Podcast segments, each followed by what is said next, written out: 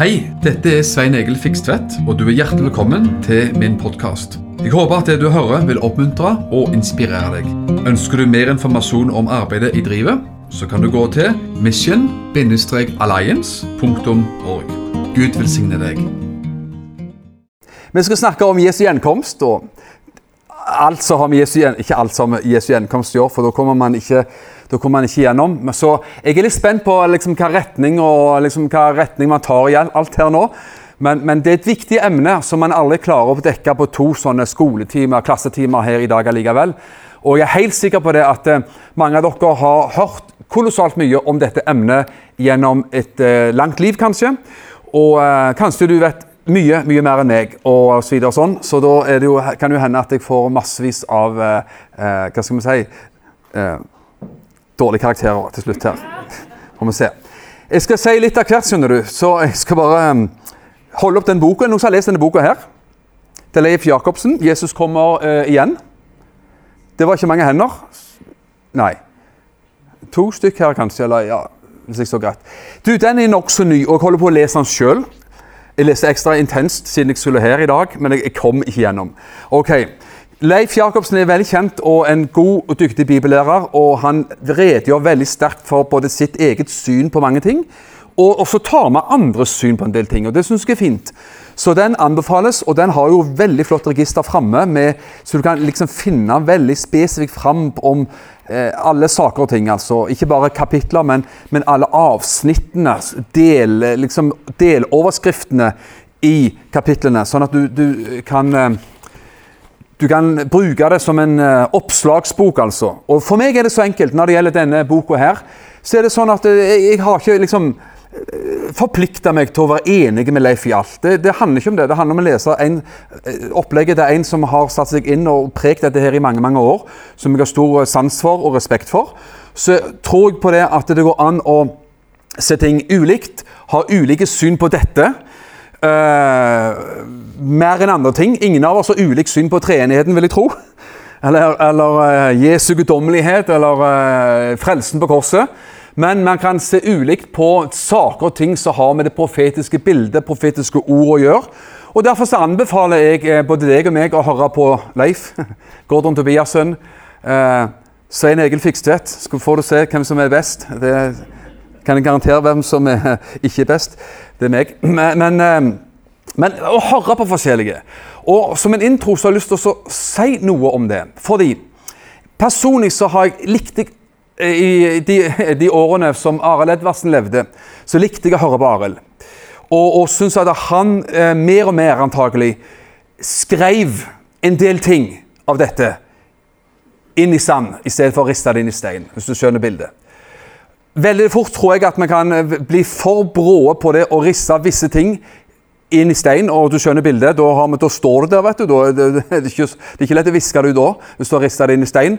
Men skriver man ting av og til inn i sand, på ting som man ikke ser helt klart, så eh, tror jeg at det er lettere å se ting underveis. Fordi at eh, Eh, ting skjer hele tida ute i verden, og vi har en forpliktelse i selvfølgelig både rett og plikt til å holde på en måte da eh, Bibelen i den ene hånda. Jeg holdt på å si ikke denne boka, da, men VG i den andre hånda. Jeg vet ikke om det var stygt sagt på, på et kristent møte. Altså nyheter, Verdens nyheter, eller dagens nyheter, nyhetsbildet. Det som skjer i verden. Hold det opp i ei hånd, og hold Bibelen opp i den andre hånda, og, og vit at det selvfølgelig er det Bibelen som eh, har rett, har det, har det siste ordet. Men det er jo spennende å, å nettopp se at det er mange ting som, som man ser ute i verden i dag, det, altså, det kan man bedømme ut fra Guds ord og, og ha en mening om. Så er det ingen av oss som vet om Jesus kommer igjen om fem år, 50 år, eller 150 år, eller 500 år. Dagen og timen kjenner ingen, var det en kjent person som sa. Og det var Herren Jesus Kristus som sa akkurat det. Så vi får se hvordan vi skal, vi skal se dette liksom an underveis her. Det må vi bare innrømme. Men det er et stort og spennende emne, og eh, jeg tror jo også det når vi snakker om Jesu gjenkomst, endetiden, kongen kommer, så er det sånn at jeg tror vi har ett øye så, vi har ett øye i Bibelen og ett øye på nyhetene. En annen måte å si det på vi har ett øye på Israel og Midtøsten, og vi har ett øye på folkeslagene. Det som skjer rundt omkring i verden. Så, og, og, det er viktig, og, og Da kan man bli sjeløyd av kanskje mindre, men det tåler man altså. Å ha blikket flere plasser, ha litt sånn multiperspektiv. Og, eh, og bedømme ting sånn litt underveis, hvordan ting skal se ut. Nå refererte jeg til Arild Edvardsen, at jeg tror da han eh, følte jeg sjøl når jeg hørte på Arild. Så, så, tenkte han Han reflekterte litt med, med åpen munn. Han tenkte og prata litt sånn underveis og, og, og, funderte på ting. Og det tror jeg av og til er en bra måte å gjøre det på, faktisk. Um, uh, vår, uh, min tidligere pastor og Kenneth og Annelises tidligere pastor, Arnfinn Klemetsen, han uh, hadde et bra slagord som han brukte ofte. Han skrev jo også en bra bok om endetiden. 'Livet i endens tid', tror jeg den heter. Og jeg husker Arnfinn han hadde et sånn bra uttrykk. Han sa endetiden og de siste tider og Jesu gjenkomst og alt sammen, det er ikke bare et spennende emne, men det er et spennende liv. Og Jeg har også lyst til å legge liksom, trøkk på det. For hvis vi bare da sitter i godstolen eller gyngestolen foran peisen og bare hva skal vi si, reflekterer og smatter på et artig emne, Mens verden eh, raser av gårde og verden går fortapt der ute, så blir jo det òg feil. At vi syns det bare det, det, det, er artig å diskutere litt og reflektere litt og synes litt. Og, og kanskje riste på hodet over alt det vonde som skjer. Og så gjør man ikke noe mer. Men jeg tenker at dette er mest av alt et spennende liv. Og jeg håper at det skal skinne igjennom. For at Gud kaller oss til å leve et overgitt liv. Et radikalt liv. Et, et, et engasjert liv for misjon og for Guds rikes utbredelse. Så dette emnet må jo gjøre noe med oss. Ikke sant? Det gjør noe med oss. Det, det skaper overgivelse. Det gjør at man får lyst til å vinne mennesker for Gud. I Hauge, i Dalane, i, i Sokkendal osv. Og, og like til jordens ender. Så det gjør noe med oss. Det bør i hvert fall gjøre noe med oss. Det tror jeg er veldig, veldig viktig. Nå skal vi lese noen vers, og så, vi, så følger vi med på klokka. Apostelens gjerninger 1.11, det er kjente vers.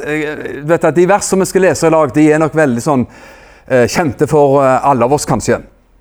Og de sa Hvem var det som sa dette? Det var de to englene som dukka opp ved Jesu himmelfart. De sa, galileiske menn, hvorfor står dere og stirrer opp mot himmelen? Den samme Jesus som ble tatt opp fra dere til himmelen, skal komme igjen på samme måte som dere så ham fare opp til himmelen. Bare her, så, så, For dette var jo ferske ord. Mens de kikka opp, hvor ble, hvor ble han av? altså? Han, han, forsvant og ble tatt opp rett foran øynene på disiplene. Så er det altså to engler som sier at OK, folkens, nå skal jeg legge litt på, for jeg liker liksom å eh, Så får du bedømme om jeg er på jordet eller ikke. Men det er som englene sier. Nå holder det. det nå, å stirre oppover, det, det, det holder nå. Slå blikket ned heller. Den samme Jesus skal komme igjen. Den skal komme igjen. Og bare ut fra dette så får vi kanskje ikke helt direkte, men ganske klar indikasjon på den samme Jesus kommer igjen. Og flere vers da viser også hvor han kommer igjen.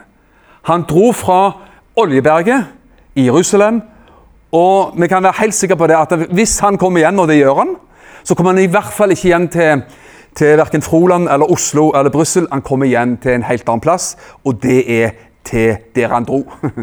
Han, igjen, han lander der han, dro fra, og det er byen Jerusalem. Og Der kunne vi snakket veldig mye om Jerusalem også, kanskje vi gjør det siden. Men, men, eh, det får bli siden. Hvorfor er det så mye kamp om Jerusalem? Hvorfor blir det aldri fred? Hvorfor er det alltid bråk? Alltid noe som, som aldri lander der? Be om fred fra Jerusalem. Det er fordi at det er en, helt klart en åndskamp rundt den byen der, som må handle om eh, Guds plan, og Guds, Guds framtidsplan og nåtidsplan, men også framtidsplan for den byen der. For det at det, den kampen som er i og om Jerusalem, den dragkampen som er om Jerusalem, den er irrasjonell. Og den er helt absurd. Og siden vi er i godt selskap her i kveld og tror på Gud, og tror på Bibelen, så kan vi også plusse på og si at den kampen er demonisk. Eller det er ingen tvil om. Skal du få flere vers her som, som eh, så, ja, Første kor, første kor Interbrev 19. Det er jo oppstandelseskapittelet i Bibelen. Og Det handler jo om de dødes, dødes oppstandelse, men det er et fantastisk vers som vi også kan ha med oss her i dag. Og Det er Paulus som sier dette.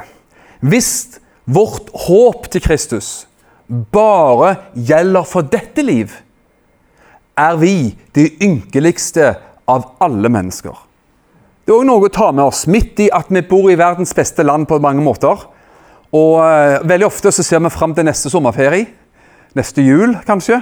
Neste sydentur eller andre artige ting. Men vet du hva? det er noe med det at uh, vi har et håp som strekker seg langt, langt utover det som skjer i juli, liksom. Eller neste år, eller lønnsforhøyelse, eller hva det enn er. Vi har et håp. Og Korint, dette er et budskap til Korint. Og det som er interessant, det er at korinterne de hadde opplevd evangeliets kraft veldig sterkt. Paulus sier i første kor 6, noen vers der, han sier jo det at tidligere sa han, så var det pengegriske og drukkenbolter og horkarer. Og, og levde, menn levde med menn og kvinner med kvinner. Og, og han, han, han, han liner jo opp ganske mye, ganske mye vilt liv de hadde levd.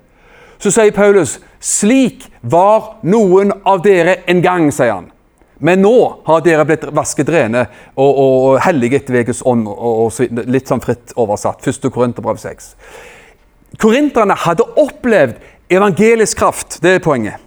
De hadde opplevd evangelisk kraft. Og så sier Paulus likevel, hvis det bare var for dette livet vi hadde opplevd Jesus, satt vårt håp til Jesus, så var vi de ynkeligste av alle mennesker.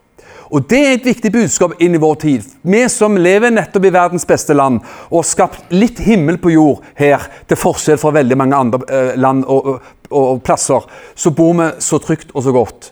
Så kan vi si hvis vi har håp til Kristus, og den velsignelsen vi opplever ved å tro på Jesus Hvis det bare var for dette liv, ja, det var fint for dette liv også, men det gjelder for noe langt, langt mer enn bare dette liv.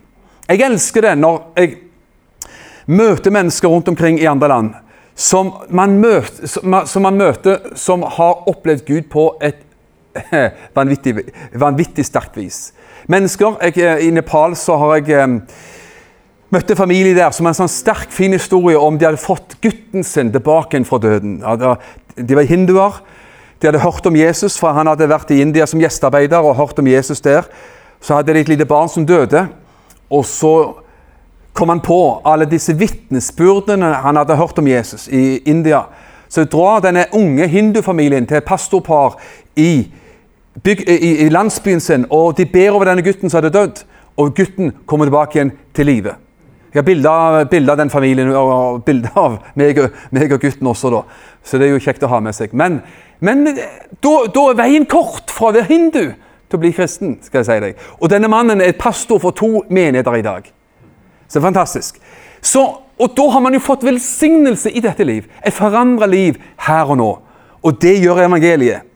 Men hvis det bare var for dette liv, så var vi likevel de ynkeligste av alle mennesker. Så vi, det vi preker om i dag, det handler om Jesu gjenkomst, himmelen selvfølgelig, ny himmel og ny jord.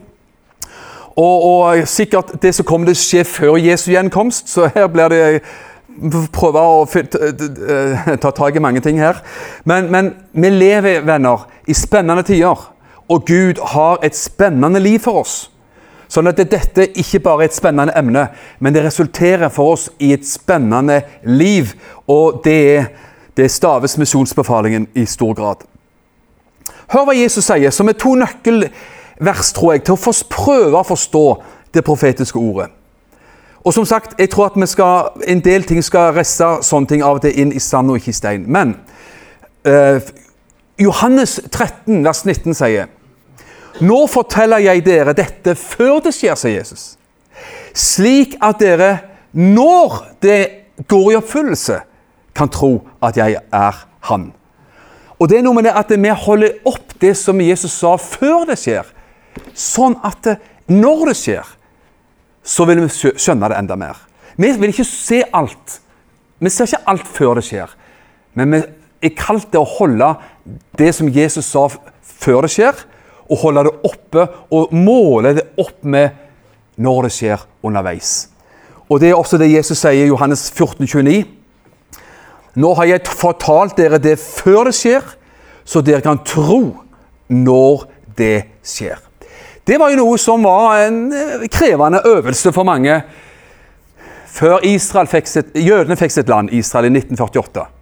Det fantes skarpe, si, skarpe bibellesere den gangen, før altså, før i 1948, som så ut fra Bibelen at jødene må få sitt land tilbake igjen. Ellers så, så går ikke tegningen opp, altså. Mens andre igjen eh, tvilte på det. Eh, faktisk, ikke sant? Ole Hallesby tvilte på det og sa at det, den tid sa han, er over. sa han. Det kommer ikke til å skje, sa han. Men han beklagte seg når det skjedde. Det er ikke verst. En beklagelse og innse at man har tatt feil, det har for alltid, alltid respekt. sant? Men han sa, folkens, han ble spurt om det, jeg har sitat på det en eller annen plass inni, inni her. Den tid er over, venner, sa han på, på en bibelskole. Det, glem det! Ikke, ikke, ikke, prøv dere, ikke prøv dere på den. Men det skjedde likevel. Mens andre igjen bare visste og sa at må, ifølge Bibelen må det opp, igjen oppstå en jødisk stat i Palestina. Og det skjedde jo også da i 1948. Så da, da vet man jo at det nettopp har Det skjedde.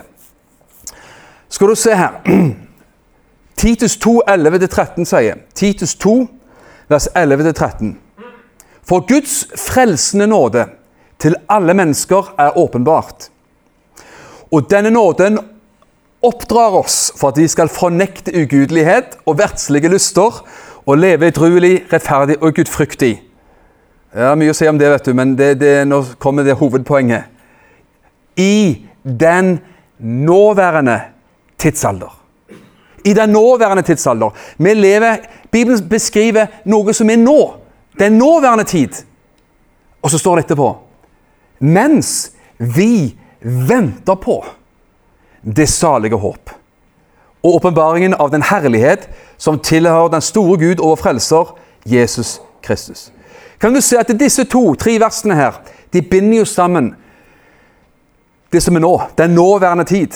Guds nåde oppdrar oss og jobber med oss i den nåværende tid.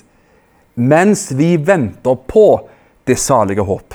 Åpenbaringen av den herlighet som tilhører den store Gud, vår frelser Jesus Kristus. Så vi har noe som, Mens vi lever med Gud nå, mens vi driver misjon nå, mens vi blir helliggjort nå, så er det sånn at alt det der også at vi driver og venter på noe større. Vi venter på noe bedre. Og Det tror jeg er så viktig. og jeg tenker det også det blir viktigere og viktigere ettersom alle av oss blir eldre. Uh, alle av oss har, har nådd den alderen at man skjønner at livet går fort. Og da blir det evige håpet og Jesu gjenkomst bare mer og mer dyrebart for oss. Og dess mer man lever også under tider av trengsler, så vil man se at dette evige håpet, himmelen, den nye himmelen og nye jord, Jesu gjenkomst, der han også skal ta et endelig oppgjør med all djevelskap og all ondskap. Den tiden og den dagen blir bare mer og mer kjærkommen. Og Da vil vi si, sånn som Johannes sa i åpenbaringen, Kom, Herre, ja, kom snart. Da sier vi ikke 'vent litt, jeg, jeg, du kan ikke komme ennå, for det er så mye gøy som venter på meg her på jord'. Da sier man 'Kom, Herre, ja, kom snart'. Vi lever jo i sprø tider. Ser vi tre år tilbake i tid, så var vi midt i en pandemi med nedstenging og med, med alt som var da, av de begrensningene som var. Og så, litt over et år siden, så kom en eh, ny rust, verre rystelse, vil jeg si. Krig i Ukraina. Vårt naboland oppe i nord, Russland, har gått til krig mot Ukraina med de eh, grusomhetene og lidelsene som man kjenner så altfor godt til. Enda, om mulig enda verre, så følger vi sikkert mange av oss med på det som skjer i Midtøsten. Og ser der hvordan eh, denne, dette landet, dette folket og denne byen Israel, jødene og Jerusalem, eh, blir mer og mer trengt opp i et hjørne, faktisk. Man ser det jo i disse dager med rakett, raketter fra Gaza. Og, og, hvordan eh, mer og mer at eh, Iran prøver å omringe eh, Israel. Og Israel, ministrene i Israels regjering de sier at vi forbereder oss på å ha krig på nesten alle fronter. altså Alle kanter. Å forstå det, det forstår man ikke. Man, det klarer man ikke å forstå Men det er noen, ti millioner jøder, åtte av ti, alt dette hvordan du regner det, eh, men israelere, jøder, som, som lever der, og som ikke vet om noe annet. Som i 70 år og 75 år har levd med den trusselen der.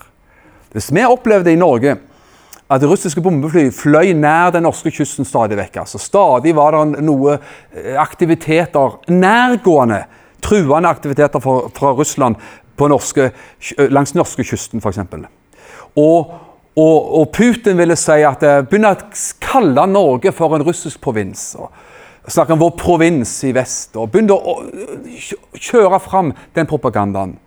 Så ville det gå iskaldt nedover ryggen på oss.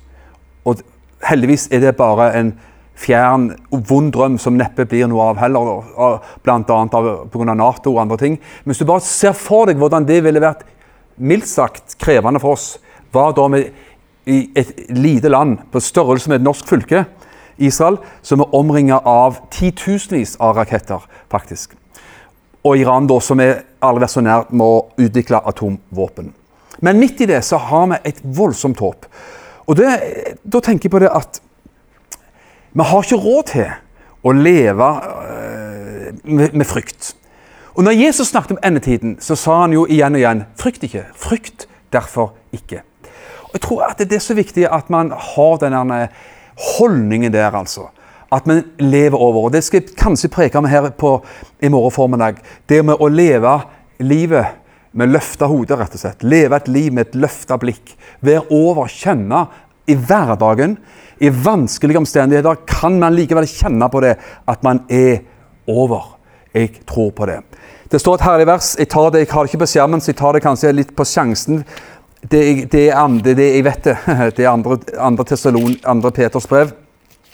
Og Hvis jeg finner det uten at jeg skal bruke for mye tid på det, så tar vi det. Men det står det, hvis ikke så har jeg det omtrent på sitat likevel, at um, Ja, andre, Timothy, andre Peter 3, vers 14, sier han. Når han har snakket om en ny himmel og en ny jord, snakker Peter om.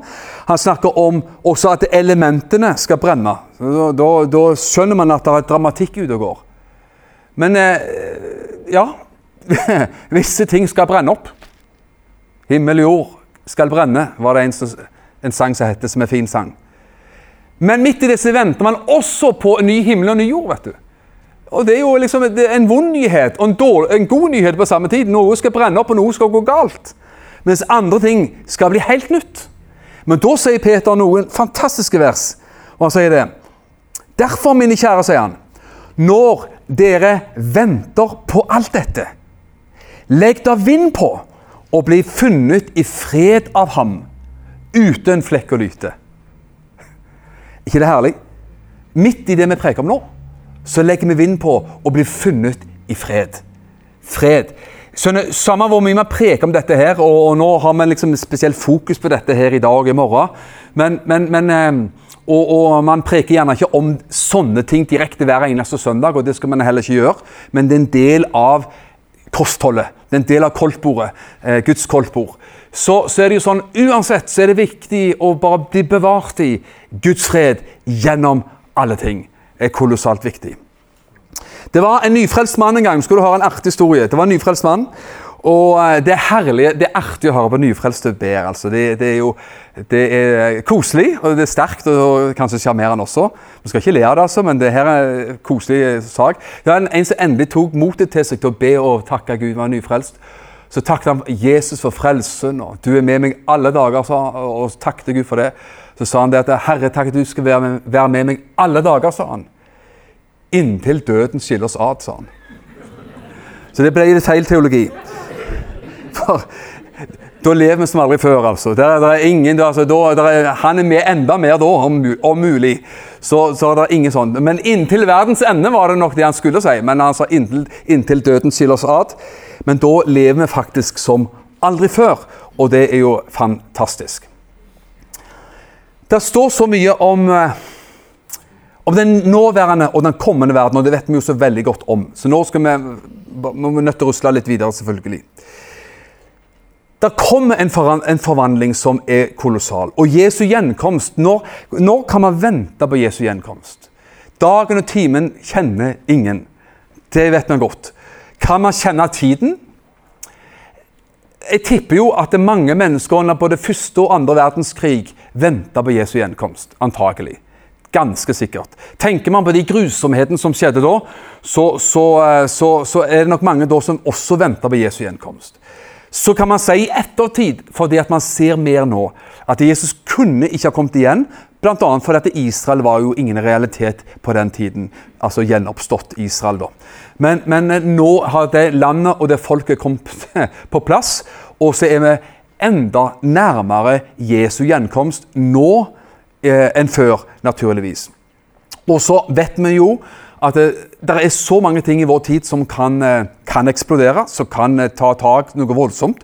Og vi må være beredt på egentlig hva, hva som helst. Men midt i dette, som er kalt til alltid, som jeg sa, leve over, ha Guds fred, ha løfta blikk og være opptatt av Guds rikes utbredelse. Et paradoks er det kanskje at det landet som, ut, som truer Israel mest, Iran som har, veldig mange i hvert fall har sine øyne på, og det bør man.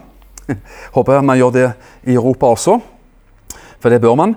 Men i det landet så er det kanskje det landet som der er flest mennesker som blir frelst.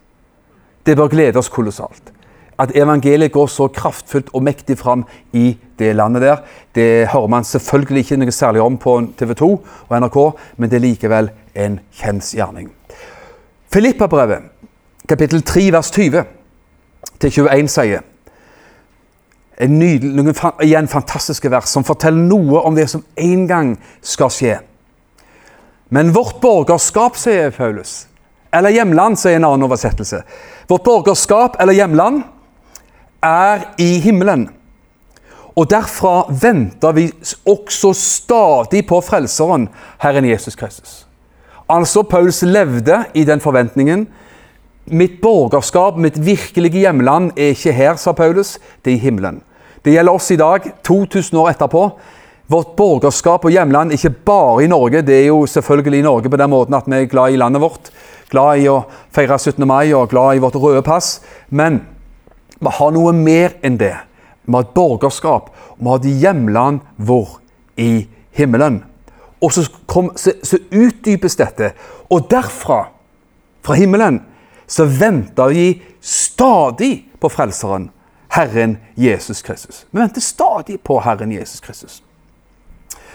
Han, Og så står det noe om hva som da kommer til å skje når han kommer tilbake. Han skal forvandle vårt forgjengelighetslegeme. Det er jo om jeg har forgjengelighetslegeme, blir gråere og gråere. Han skal forvandle vårt forgjengelighetslegeme så det blir likedannet med hans herlighetslegeme. Og det skal han gjøre ved den kraft som gjør ham i stand til å underordne alle ting under seg selv. Hva skal skje ved hans komme? Han forvandler vårt forgjengelighetslegeme, og vi blir lik han. Likt, for samme legeme som Jesus har. Og, og, så kan man jo spørre hvordan i all verden skal det kunne skje? Kunne skje? Jo, det er veldig enkelt. Det skjer fordi at han har kraft til å underordne alle ting under seg sjøl. Med andre ord, når han kommer tilbake igjen, så vil han underordne alle ting under seg sjøl. Og Det utdypes eh, også i, i Tessalonika-brevene, der Paulus også snakker om Jesu gjenkomst og, og forteller hva som kommer til å skje. Nemlig at Jesus kommer, og han kommer til å ha et oppgjør med han som kalles for den lovløse og syndens menneske, og han kommer til å utrydde og ja, Åpenbaringen snakker om at han kommer til å ta den lovløse antikrist og kaste han i ildsjøen osv. Så sånn.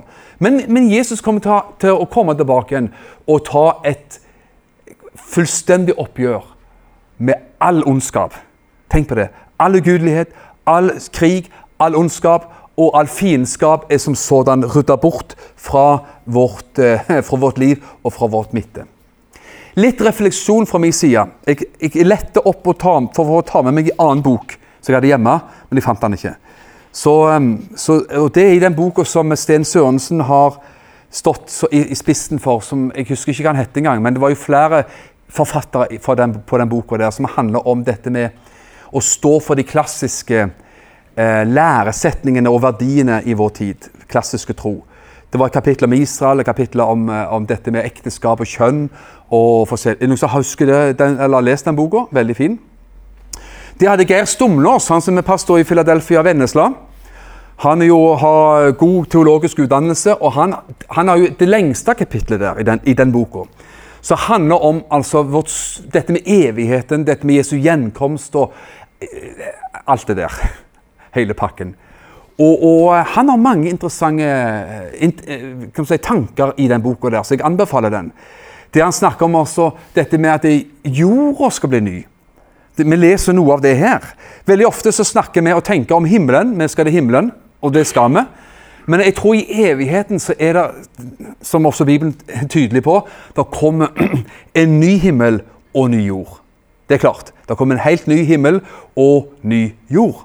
Og, ehm, og, og jeg tror at himmel og jord i, i, evigheten kommer til å være forent på et eller annet vis. altså. Jeg vet ikke hvordan, og jeg, jeg kan ta feil, men vet du at i Edens hage så var Adam og Eva i hagen. Det var, det var jo ja, det var jo en slange òg der til slutt. Men eh, det var kan, Vi vet ikke alt om hagen, vi vet noen. Det var fikenblad der. Så var det andre buskaser også. Så litt fin natur må det ha vært. Og Gud har jo skapt dette, har Gud skapt dette som vi har rundt oss nå. Gud har skapt alt dette her. Og, og Geir Stumner sier det at det, grunntekstord på dette med ny himmel og ny jord, så, står det, så sier han ut fra det, det samlede materialet, så sier han at antagelig så vil denne jorda her bli fornya. Det er som om at det, eh, skulle fornye denne kirka her, altså, og gjøre, freshe opp denne menigheten. Det trengs jo ikke da. Han er så fin. Men hvis man skulle gjøre det, så skifter man gjerne teppe om ti år. liksom. Det begynte begynt å bli sånn kaffeflekker og litt graps på teppet. Det, det er litt godt litt stier i teppet. så byg, river man ikke ned hele bygget, men man bare eh, fiffer litt her og der. og Får litt ny maling, ny farge og litt nytt teppe, så er det nytt. Hvem vet om ikke det kommer til å skje? Men Gud vet alle ting. Gud vet ting uendelig mye mer enn oss. Men vet du hva? På nesten hver plan i Det nye testamentet, brevene til Paulus og alt som Jesus sa, så er det sånn at det, det evige håpet er kolossalt sterkt oppe. Og det vi, gjør vi veldig vel i å holde oppe i vårt eget liv og i vår egen hva skal vi si, midte, faktisk. Og vi skal se litt mer på dette også, selvfølgelig. Skal få det motsatte perspektivet også, da. Fra 1. Korinterbrev 1532. 1. kor 1532, oppstandelseskapitlet. Vi leste jo Filipperne at Gud skal forvandle våre, eh, våre, våre kjødelige, eller våre dødelige legemer, eh, våre forgjengelighetskropper, til å bli få en herlighetskropp, sånn som han har. Og det står det også om i 1. kor 15. Men her i 1. kor 1532 så får du på en måte et annet perspektiv som skal ta med oss i samme slengen her, som er motsatt av oss. Det er jo det ateistiske synet, humanistiske synet. For det sier Paulus, eh, og han drar jo fram et lite vers fra, fra eh, Gammeltestamentet. Han sier, det, han sier det Hvis de døde ikke oppstår, så la oss spise og drikke, for i morgen dør vi. Hva er det? Jo, det er jo det at det, det er jo sånn folk tenker i, i, eh, hvis man ikke har et evighetsperspektiv. Hvis man ikke har et himmelperspektiv. Dette bibelske perspektivet. Hvis det ikke der finnes en dødes, de dødes oppstandelse, hvis det ikke finnes en evighet, hvis det ikke finnes noe mer enn dette, da, hva er opplegget da? Ja, men Da handler det om å leve som man sier, du lever bare én gang. You only live once, så jeg på en mann hadde T-skjorte en gang på på et fly. Så, så da, handler det om å hente alt ut av dette livet, på godt og vondt. Og det kan være jammen begge deler også. For du lever jo bare én gang. Men tenk å ha et annet perspektiv. Vi lever ikke bare én gang. Jo, vi lever én gang på akkurat denne måten, men det finnes en evighet. Hvis de døde ikke oppstår, så la oss spise og drikke, for i morgen dør vi. Men Paulus sier jo, og det er, tror jeg, hvis jeg tar det på uh, hukommelse, så tror jeg det er i, i, uh, først, i, i Apostelens gjerninger 23. Så sier Paulus, når han står framfor tror det vel til høye råd i Jerusalem, så sier han det at 'jeg har det håp', sier han.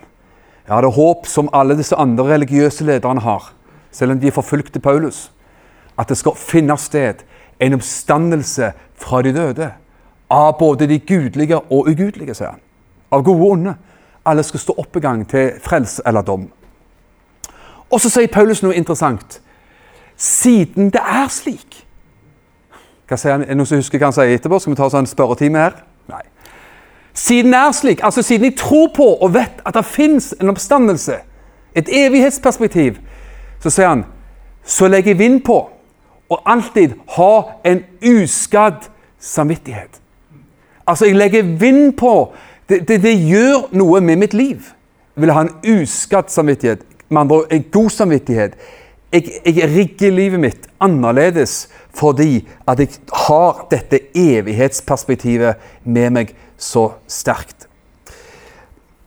Vi skal finne, Jeg har det her på skjermen, hvis ikke, jeg, eh, hvis jeg ikke finner det akkurat her og nå, så skal vi, det fant vi her og nå. Så det, tar vi det. Første, første Johannes 3, vers 1-3.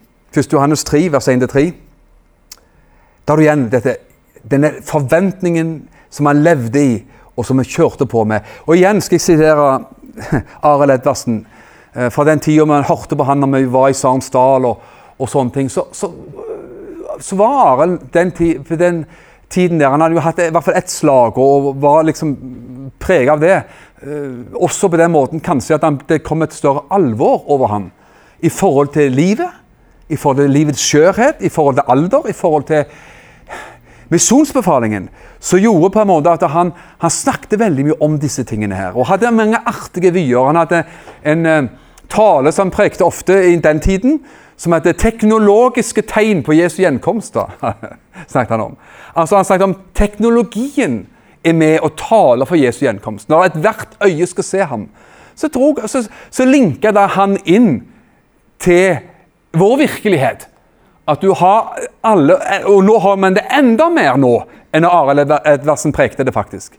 For da hadde man ikke smarttelefon med sånn en touchskjerm og alt mulig. Da var det knappetelefon, uh, tror jeg. Men nå, siden den gangen, så har det jo vært en hyperekstrem modernisering. Så nå kan alle få hva som helst inn på telefonen i lomma, sånn som dette her. Jeg kan sende, Det gjør jeg for daglig av en venn på Cuba som, eh, som, liker å sende meg meldinger. Så jeg må stadig liksom, google og finne ut hva det betyr. Fra spansk til norsk. Men, men um, han sender meg meldinger vet du, og gode hilsninger. så Jeg, tra, jeg traff han før jul på Cuba. Så, så, han sender jo På et sekund vet du, så, er, så har man fått en melding fra en, andre, en, annen side av verden. En annen side av kloden. ikke sant? På et sekund. Så, han, så Arild Edvardsen han, han, han dvelte og hadde liksom moderne teknologi og Bibelen og, og, det som skjer i verden Han, han liksom sjonglerte disse her, eller holdt det opp mot hverandre. Og så igjen og igjen hvordan alle sånne ting bekrefter Bibelen. Og det kan vi være trygge på, venner. Bibelen, den har rett. Amen. Det var godt sagt. Jeg, jeg var fornøyd med den. Ja. Det var du òg, ser du. Ja. Første, første Johannes 3, vers 1-3. Se hvilken kjærlighet Faderen har vist oss, at vi skal kalles Guds barn. Derfor kjenner ikke verden oss, fordi den ikke har kjent ham. Elskede, nå det, det Her er nesten både gøy og morsomt og, og, og, og fint på samme tid. Elskede, sier han. Nå er vi Guds barn. Altså her og nå er du Guds barn. Det er du enig i? Du har fått barnekår, du er Guds barn. Så sier han og det er ennå ikke åpenbart hva vi skal bli. Så han sier det kommer et nytt nivå, folkens. Altså, nå, altså, og Bibelen snakker veldig sterkt om det med barnekår. Det jeg mener Åpenbarelsen i våre liv, at vi har fått barnekår hos Gud, jeg mener, det, den rydder opp mye. Den kan rydde opp mange ting i livet vårt. Så den er viktig. Tryggheten i Gud. Tryggheten i frelsen og alt. Så sier Johannes Interessant med Johannes også, da, men det får vi ta etterpå. Nå, her og nå, tilstand her og nå. Nå er vi Guds barn, så bare det kan man jo uh, ha stor, en stor fest på. Men det er ennå ikke åpenbart hva vi skal bli, sa han. Så det kommer noe mer, sa han. Altså, nå er vi barn, men hva i all verden skal vi bli siden? sier han. Og Det kan vi jo lure på, men det vet vi ikke heller. Han sier bare det. Det er ikke åpenbart hva vi skal bli, men vi skjønner jo at det er noe bra i, i vente. altså. Men vi vet, han, vi vet ikke hva som kommer, sier han helt. Det er jo viktig å si det òg, da. At vi ikke vet alt. Men vi vet, sier han, at når han blir åpenbart, med andre ord Jesus blir åpenbart for oss Vi skal se han som han er. Han blir åpenbart, skal vi bli ham lik. Så skjønner, Kanskje det er viktigste vi kan si her i dag. Hva skjer ved Jesu gjenkomst? Vi skal bli ham lik. Vi skal se han. Skjønner, Om du ikke får se alt annet, du får se han. Jeg ønsker også Jesus først av alt. Det er en fin sang. Så vi skal se han lik, vi skal, vi skal se han, og vi blir lik ham. Vi skal bli ham lik, for vi skal se ham som han er. Så når vi ser Jesus igjen, så forandres vår dødelige kropp til å bli lik hans kropp, har vi lest i Filippa-brevet og i 1. kor 15. Og enda, enda bedre er at vi bare rett og slett får lov til å se han i all hans herlighet og i all hans fantastiske majestet. Ok, La meg ta noen punkter her før vi skal ta pause. Um, hva gjør dette evighetsperspektivet for oss? Det må vi ta uh, noe av her. Sånn. Hva gjør dette med oss? For uh, som jeg sa kanskje du, kanskje du, ikke får så mange detaljer her i dag, og mange sånne Hva skal vi si at uh, Jeg har en veldig liksom, jeg, Du får selvfølgelig Du vet jo det. Du får, du får, ingen tidfest, datotidfesting på noen ting. Du får, ikke, du får ikke klokkeslett og dato på noen ting her i dag. Og, og mye annet. Men vi tar større linjer enn som så. Hva betyr det som Bibelen sier, dette salige håpet? Vårt salige håp, det er herlig ordet. Vårt salige håp. Hva betyr dette salige håpet eller evighetsperspektivet for oss? Hva gjør det med oss? Noen punkter skal du få. For det første, dette salige håpet som vi har prøvd å male litt her nå, det gjør at vi forventer en verden der all urettferdighet og ondskap er borte. Ikke bare forventer, men er helt trygge på det, for dette Bibelen det, det, det, det oser gjennom i Tessalonika-brevene, i andre Peters brev og overalt ellers. Amen. Vi forventer en verden der all urettferdighet og ondskap er borte. 2. Peter 3,13 sier men etter hans løfte ser vi fram til nye himler og ny jord der rettferdighet bor. Det er et voldsomt håp. Første kor 1526. Den siste fiende som tilintetgjøres, er døden.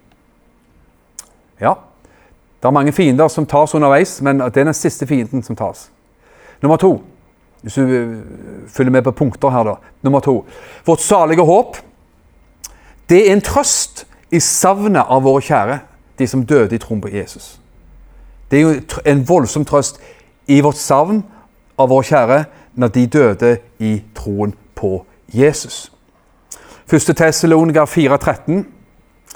Uh, der står det Men jeg vil ikke at dere skal være uvitende, brødre, om dem som har sovnet inn, så dere ikke sørger som dem, de andre som ikke har noe håp. Så det er jo en veldig veldig trøst i det at vi skal få se våre kjære igjen. De som døde i troen på Jesus. For det tredje vårt salige håp. Det gir oss utholdenhet og godt mot i dette livet når livet røyner på. Vi trenger ikke å ta håndsopprekning for alle oss har levd så lenge, vet du. At vi vet at av og til så røyner livet på. Det er ganske innlysende. Noen kanskje nå vet, Her er vi i forskjellige faser i livet. Noen kan si kanskje at det, nå opplever jeg at jeg, jeg, er bare nesten på det lykkeligste i mitt liv. Liksom, at alt er bare bra. Eh, jeg er så lykkelig på alle fronter. Liksom. Økonomien går greit, og, og jeg er frisk. og uh, det, er fred, det er fred i familien, og alle ting er liksom bare på stell. Og så kjenner vi at ja, lykkeindeksen lykke, er veldig høyt oppe. liksom. Andre sier kanskje her at jeg er kanskje i det stikk motsatte enden av skalaen. At jeg er i en krise i livet. Der er et konflikt på jobben, eller er, jeg venter på svar fra legen på noen prøver som jeg gruer meg til. Hva som helst. Altså Man er bare i forskjellige faser og situasjoner i livet. Men alle av oss har opplevd både disse høyde, disse lykkelige, supre, ekstatiske, lykkelige øyeblikkene i livet, og alle av oss regner jeg med, har opplevd at eh, man, man har vært på bånn av og til og kjenner at det, eh, nå er på bånn. Nå, nå, nå, går, nå går, går det ikke an å synke lavere på mange områder. Men håpet, dette salige håpet, det gir oss utholdenhet og godt mot når livet røyner på. Og det er fantastisk at vi kan få lov til å ha det håpet i Kristus. Nummer fire. Dette salige håpet det gir oss et ønske om personlig integritet og etisk standard. Paul, jeg siterte jo Paulus også. At uh, jeg, jeg, ser nå på skjermen at jeg, jeg, oppga feil skriftsted. Jeg sa Apostelens gjerninger 23, men det er Apostelens gjerninger 24. Vers 15. Skal jeg lese det ordentlig, da, så vi ikke bommer. Apostelens gjerninger 24, 15 og 16. Det er Paul som taler for det høye råd og sier Jeg har det håp til Gud som også disse selv venter på. Altså eh, saduker, Ikke sadukerene, fariseerne eh, som venta på det. Sadukerene de trodde ikke på noen ting, stort sett. De var liberale. Så han sier jeg venter, har du håp til Gud, sier han. At det skal finne sted en oppstandelse av de døde. Både av de rettferdige og av de urettferdige. Slik, Og så sier han siden det er slik, legger jeg alltid vind på og ha en uskatt samvittighet overfor Gud og mennesker. Håp om herlighet, vissheten om herlighet, vissheten og troen og håpet om evigheten, det gjør jo noe med våre liv. Hvis de døde ikke står opp, så la oss spise og drikke, for i morgen dør vi. Det er liksom det humanistiske perspektivet. Hvis de døde står opp, hvis det fins en oppstandelse, hvis det fins en evig dom og en evig frelse og en evig fortapelse, ja, og, og, og Svein Egil tror på det, så vil jo det gjøre noe med mitt liv. Det vil gjøre at jeg får lyst til å leve ved Guds nåde og ved Guds hjelp med personlig integritet og etisk standard. 1. Johannes 3, 3 sier Det er jo også var innom 1. Eh, Johannes 3. Og vær den, 1. Johannes 3, 3, vær den som har dette håpet til ham hva var det Paul, eh, Johannes snakket om der? Jo, vi skal se han som han er. Så sier han eh, etterpå Vær den som har dette håpet til han. Hva gjør han? Renser seg selv. Rart ord, kanskje. Skal ikke Gud gjøre det, da? Ja. Rense oss for Gud. Renser seg selv, like som han er ren. Dette håpet gjør at det, vi får lyst å rense vår, vår liv. Vi får lyst på en fotvask av og til. Få vekk verdens støv og skitt fra, fra, føttene og kjenne på det at man er, er, lever troverdig i Guds, Guds, frykt, Guds frykt og hellighet. Jeg følger med på klokka, så vi skal ta en pause meget fort. Første Johannes Nei, eh, punkt nummer fem. Jeg vet ikke om du ramla over alle punktene, da. Det har jeg full forståelse for på en fredag kveld. Vårt, nummer fem. Hva gjør dette salige håpet for oss? Vårt ønske det gir, et, gir oss et ønske om å vinne andre for Jesus. Nå våkna evangelisten og misjonærene, menighetsplanterne og alt mulig. Amen. Du kjenner disse versene her, og de må vi lese. Det blir, du, du pepres litt i dag. her, Det er jo bibeltime. Andre Korinterbrev, kapittel 5, vers 9-11. Derfor setter vi vår ære i å være til behag for ham, enten vi er hjemme eller borte. Det er ikke tippekampen, dette her. Hjemme eller borte. Det er altså vi er hjemme hos Herren og borte fra, eller borte fra Herren. Altså hjemme i legeme eller uh, hjemme eller borte. Himmelen eller her på jord. Så sier han For vi skal alle fram for Kristi domstol. Vet ikke om det er skremmende eller ikke. Trenger ikke være skremmende. For vi skal alle fram for Kristi domstol, for at enhver kan få igjen de ting som er gjort i legemet. Altså det livet vi levde for Gud her på jord. Vi skal få lønn. Få igjen for det som er gjort når vi var i kroppen her på jord. Etter det han har gjort, enten godt eller ondt. Og så står det etterpå, interessant, som neste vers, altså Når vi vet vi skal fram for Kristi domstol, så står det Når vi da kjenner frykten for Herren, overtaler vi mennesker. Andre oversettelser sier søker vi å vinne mennesker. Vi kjenner frykten for Gud. Jeg vet at jeg skal stå framfor Gud med mitt liv, så kjenner jeg det gir meg en rett type gudsfrykt. Du kjenner det. altså Ærbødighet for Gud.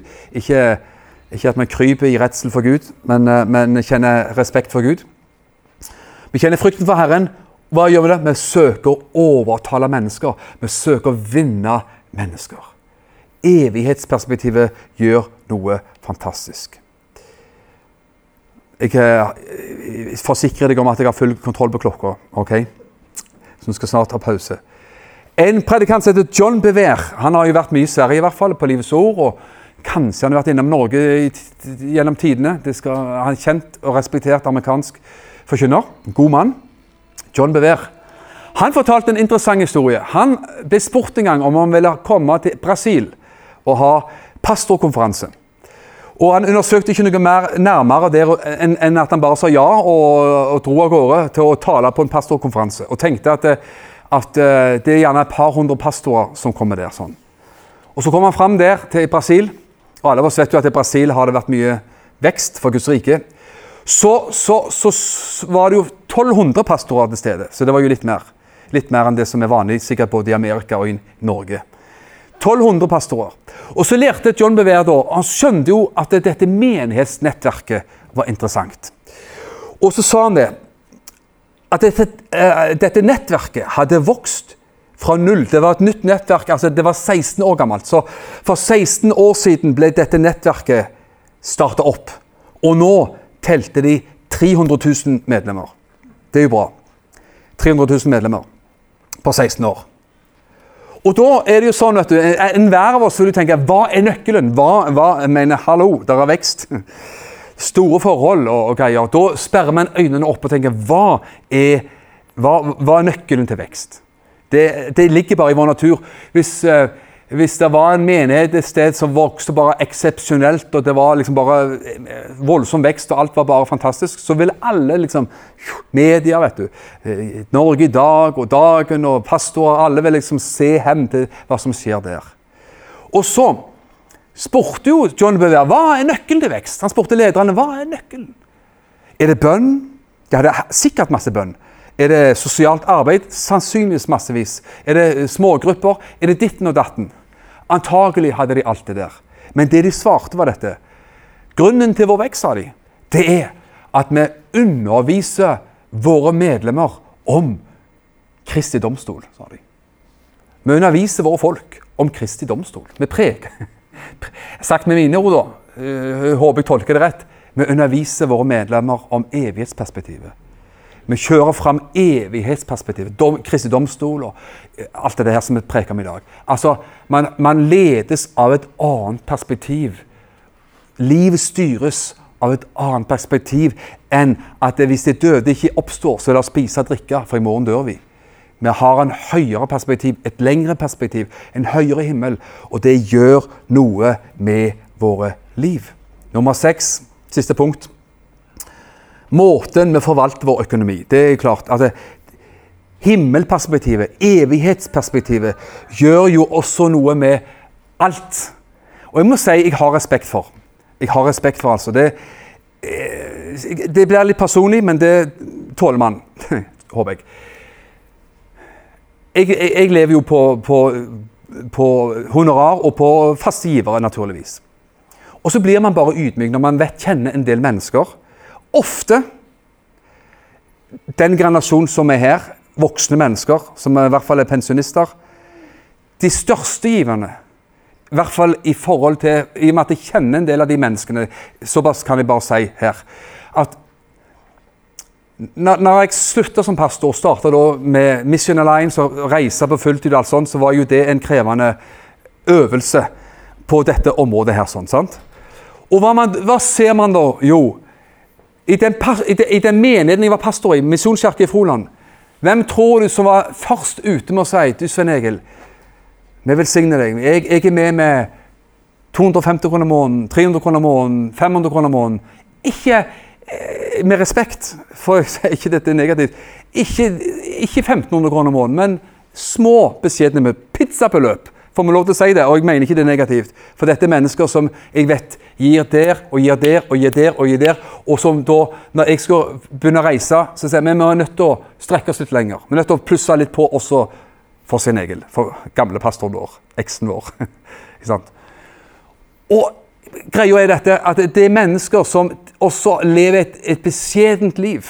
Som ikke har råd til hva som helst, og ser seg råd til den dyreste bilen i, i, i Froland men som lever et enkelt liv, og bruker og vrenger si, lommeboka så godt man kan for evangeliets framgang. Det var poenget mitt.